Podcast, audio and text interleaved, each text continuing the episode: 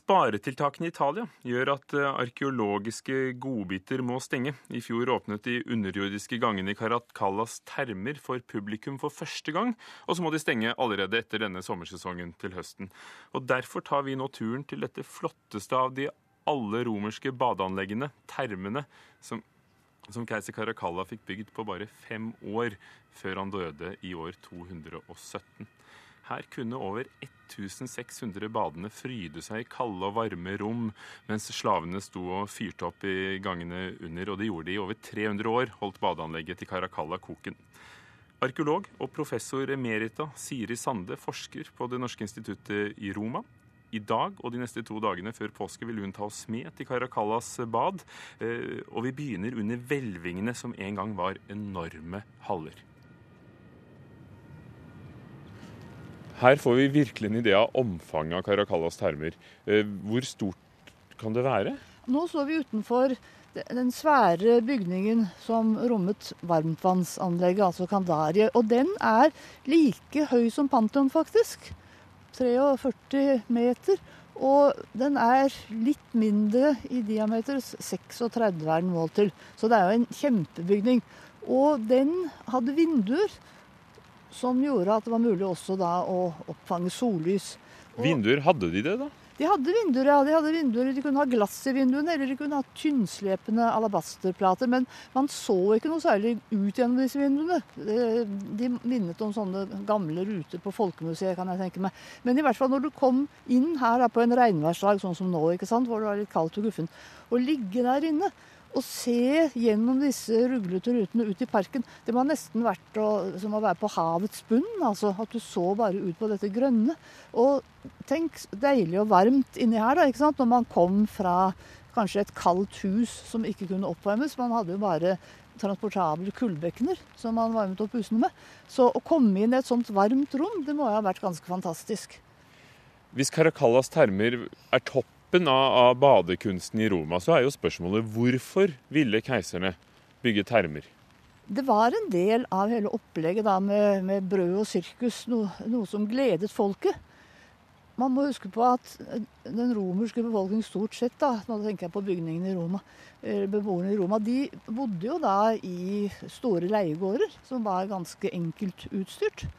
Så de hadde da muligheten til å oppleve skjønnhet og luksus i eh, den, offentlige sammenheng. Altså Vi har jo f.eks. disse svære keiserforaene som keiserne lot bygge og utsmykke.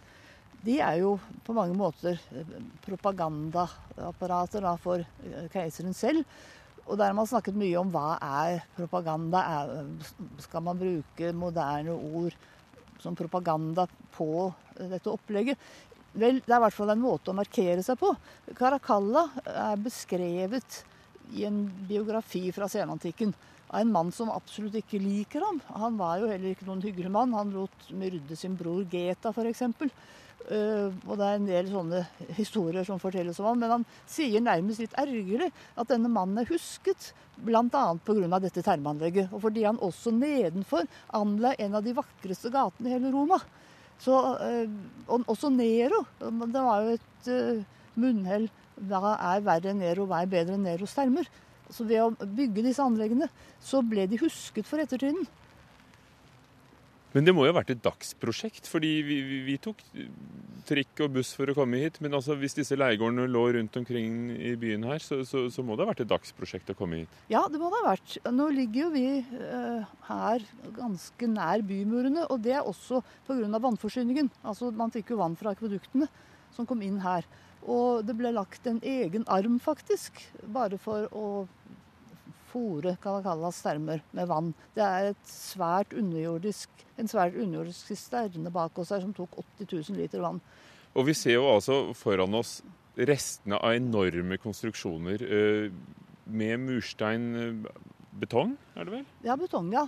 Kledd med teil. Hvis du skal sammenligne det med noe i dag, hva vil det være? Ha, det er forferdelig vanskelig å si. Jeg vil nesten si et svært kjøpesenter.